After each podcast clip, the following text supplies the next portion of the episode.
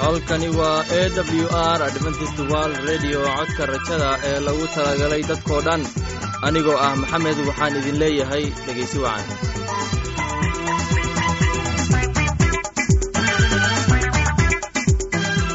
barnaamijkeenna maanta waa laba qaybood. Qaybta koowaad waxaad ku maqli doontaan barnaamijka caafimaadka. Uu inoo soo jeedinaya maxamed kadib waxaa inoo raacaya cashar inaga imaanaya bugga nolosha. Uu inoo soo jeedinaya cabdi labadaasi barnaamij ee xiisaha leh waxaa inoo dheer heese daabacsan oo aynu idiin soo xulnay kuwaasoo aynu filayno in aad ka heli doontaan. Dhegaystayaasheenna sharafta iyo qadaradda lahow waxaynu kaa codsanaynaa in aad barnaamijkeenna si haboona u dhegaysataan. Haddii aad wax su'aalaha qabto ama aad haysid wax fikrada fadlan inala soo xiriir dib ayaynu kaaga sheegi doonaa ciwaankeenna. Bal intaynan u guudagelin barnaamijyadeena xiisaha leh waxaad marka hore ku soo dhowaataan heestan daabacsan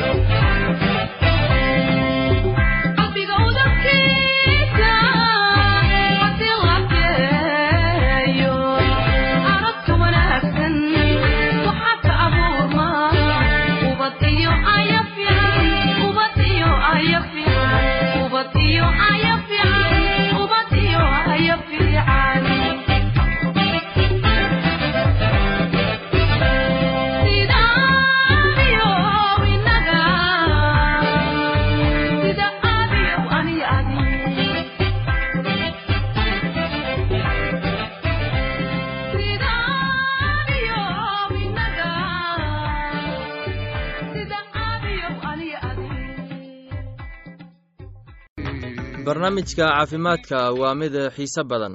Waxaan rajaynayaa inaad ka faa'iidaysan doontaan barnaamijkaasi waxaana inoo soo jeedinaya maxamed. Barnaamijka wuxuu ka hadli doonaa cudurka qaaxada qaybta koowaad.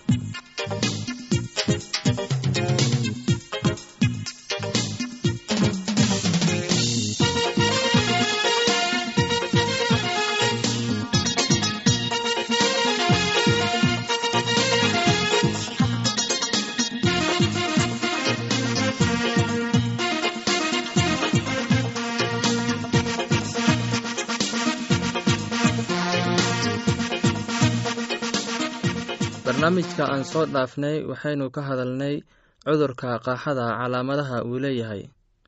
Maantana waxaynu firin doonnaa qaabkii loo daaweyn lahay cudurka qaaxada. Laba nooc ay si muuqaal ah uga dhici kartaa qofka cudurka qaaxada qaba. Marka koowaad waxay tahay maarinta qofka uu ku dhacay cudurka qaaxada muddo sannad iyo isagoo muuqaal caafimaadba leh xilliga ayaa jiri doontaa uu qofka buka isbeddel caafimaad ayuu isku arkaa taasi oo ah calaamadaha uu cudurka leeyahay. Sababta kale ee isbeddelka caafimaadka waxaa laga yaabaa inay tahay cudurka sida aidiska kaadisakarowga ama kaadi macaanka waxaa kale laga yaabaa in ay la xiriirto isticmaalka mukhaadaraadka daryeel la'aanta xagga caafimaadka tani waxaa daliil u ah guri la'aanta hayso qofka buka badana. Jirka markuu buka oo ay ka dhammaato awoodda jeermiska wuxuu isku beddelaa cudurka qaaxada. Sidan oo kale qofka waxaa laga yaabaa in uu la jirado cudurka qaaxada muddo bilooyin ama sannadooyin kadib qofka cudurka qaaxada qaba waa in la jiifiyaa isbitaalka qaas u ah kuwa qaaxada qabaan maantana cudurka qaaxada waxaa lagu daaweyn karaa daawooyin waxtar leh. Badanaa dadka buka muddo aan dheerayn ayay ku jiraan isbitaalka iyagoo daawada ay ku socoto. Waxaa muhiim ah qofka buka in uu isticmaalo daawooyinka uuna arko dhakhtarka mar weliba baaritaanka caafimaadka waa loo baahan yahay hadiyo goor si aan u aragno waxtarka daawada ay leedahay. Waxaa muhiim ah in uu qof kastaba uu qaato daawada ka hortagga cudurka qaaxada. Qofka buka waa inuu takhtarka arkaa markii uu cudurka uu bilaaw ahay ama uu iska dareemo calaamadaha uu cudurka leeyahay. Dhegaystayaal barnaamijkeenna maanta waa naga intaas kulantideeni dambe sidaas iyo nabadgelyo dhammaanteenba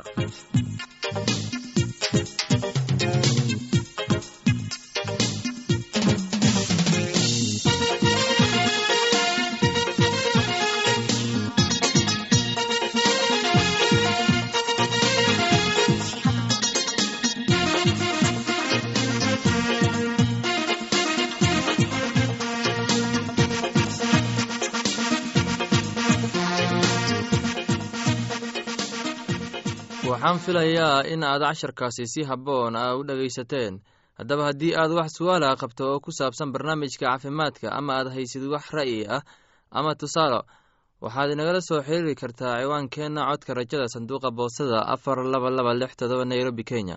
Mar labaad ciwaankeenna waa codka rajada sanduuqa boostada afar laba laba lix todoba nairobi kenya.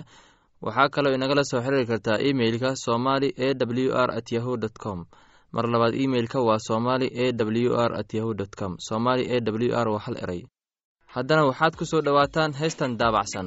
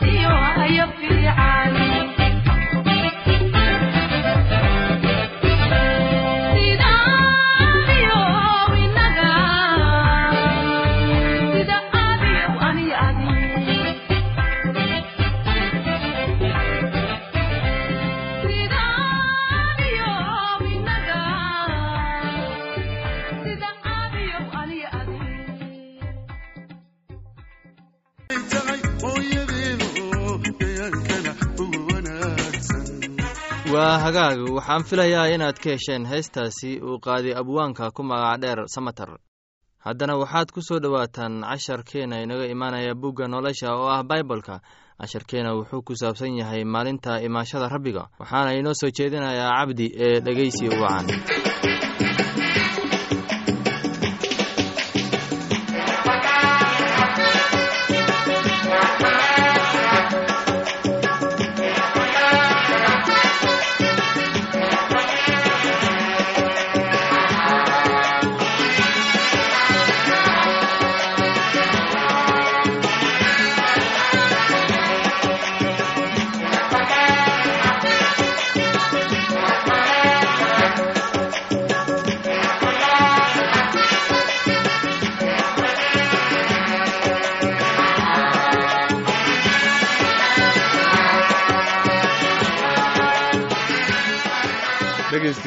maanta waxaan idiin soo gudbin doonaa cashir ku saabsan kitaabka quduuska ah ama baybalka kaasoo aynu kaga hadli doonno ballanka imaatinka rabbiga.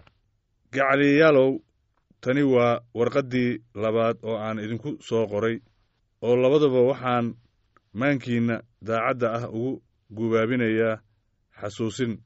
Inaad xasuusataan ereyadii nebiyadii qaduuska ahaa hore ugu hadleen iyo amaradii rabbiga badbaadiyaha ah oo ay rasuulladii ka hadleen. Marka hore waxaad og tihiin in maalmaha ugu dambeeya kuwa majaajilooda ay la imaan doonaan majaajillo iyagoo damacyadooda daba socda oo waxay odhan doonaan ballantii imaatinkii ma aha. Waayo haatan iyo maalintii awowyaashii ay dhinteen wax weliba waxay u socdeen sidii ay ahaayeen tan iyo bilaagii abuuritaanka. Waayo iyagu qaas bay u iloobaan in waagii hore samooyin jireen iyo dhul ereyga ilaah biyo laga dhex abuuray. Kuwaas oo dunida waagaas jirtay ay ku baaba'day iyadoo daad qaadday laakiinse samooyinka haatan jira iyo dhulkaba isku erey baa dab lagu kaydiyey oo waxaa loo hayaa maalinta xisaabta iyo halligaadda dadka cibaadolaawayaasha ah laakiin gacaliyaalow waxaan keliya ha ilaawina in maalinta keliya rabbiga la tahay sidii kun sannadood. Kun sannadood la yihiin sida maalin keliya rabbiga kama raago inuu ballankiisa oofiyo. Sidaas dadka qaarkiis ku tiriyo inay tahay raagid. Laakiin idinku idiin dul qaadan doonaa oo dooni maayo in qofna halligaad laakiin waxa uu doonayaa in kulligiinba aad wada toobad keentaan. Dhegaystayaal maalintii rabbiga waxay u imaan doontaa sida tuug oo kale. Maalintaasi oo ay samooyinka baabbi'i doonaan iyagoo sanqadh weyn ka yeerayso oo waxyaalahaasi abuuran iyagoo gudanaya ayay baabbi'i doonaan. Dhulka iyo shuqullada ku jirana waa la gubi doonaa haddii waxyaalahaasi oo dhammi ay sidaasi u baabbi'i doonaan haddaba dadku caynkaasi ah baa idinku waajib ah inaad noqotaan si aad ugu dhaqantaan dabiicadda quduuska ah iyo cibaadada. Idinkoo sugaya oo aad ugu dadaalaya maalintii imaatinka ilaah taasoo samooyinka iyaga doolaya ayay baabbi'i doonaan. Sidaa daraaddeed gacaliyaalow idinkoo waxyaalahan hore u garanaya iska jira yaan laydinku kaxaysanin qaladka kuwa sharka ah. Ka dhicin adkaantiinna laakiin ku kora nimcada iyo aqoonta rabbiga ah ee badbaadiyaheenna ciise masiixi isagoo ammaano ha u ahaato haatan iyo weligiisba. Dhegaystayaal cashirkeenna maanta waxaan ku soo gebagabaynaynaa intaas kulinti wacan iyo ismaqal dambe iyo hurdo caafimaad leh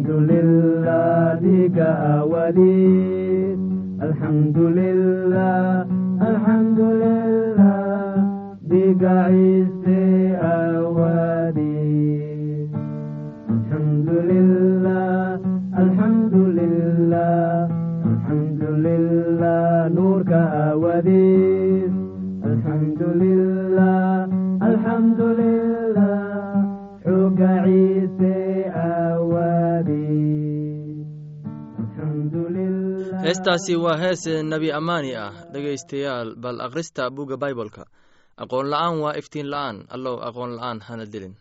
Casharkaas inaga yimid bugga nolosha ayaynu ku soo gabgabayneynaa barnaamijyadeena maanta. Halka aad inagala socotiin waa laanta afka soomaaliga ee codka rajada ee lagu talagalay dadka oo dhan. Haddaba haddii aad doonayso in aad wax ka kororsato barnaamijka caafimaadka ama barnaamijka nolosha qoyska ama aad doonayso in aad wax ka barato bugga nolosha fadlan inala soo xiriir adoo waraaqaha ku soo hagaajinaya codka rajada sanduuqa boostada afar laba laba lix todoba nairobi kenya.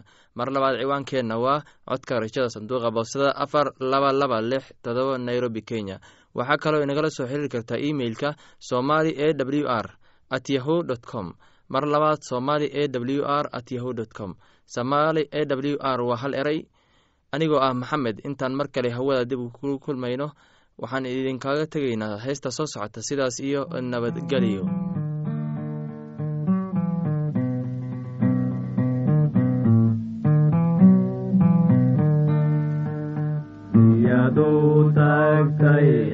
nadiifintiisa miyaad ku mayratay dhiiga baraarka miyaad rumaysani raxmadiisa saacadan miyaad ku mayratay dhiiga baraar miyaad ku mayratay miyaad ku mayratay dhiiga masiix miyow qalbigagu nadiifsan yahay miyaad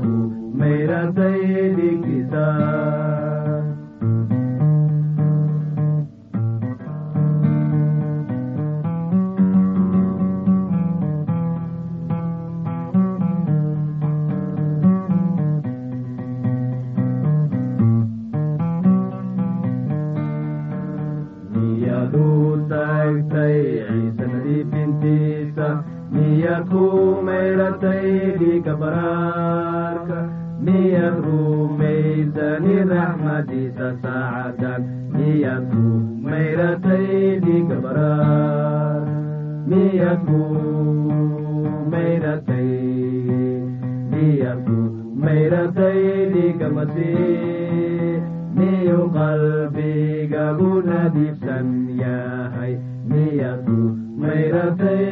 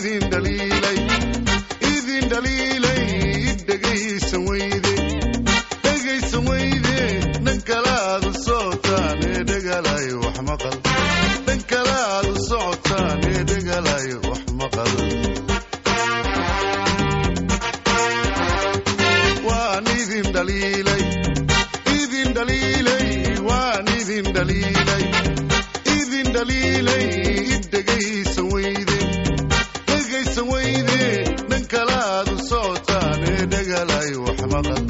Dhan kalaadu socotaan ee dhegalay wax maqal. Oy dhaxani haysan dharuqaad isleeyay. Aabbadhaan ka tegay ban ku dhowee isleeyay. Oya dhaxani haysan dharuqaad isleeyay. Aabbadhaan ka tegay ban ku dhowee isleeyay. Ilma aanan dhalanban dhabta saar idin dhaliilay dhaliilay waan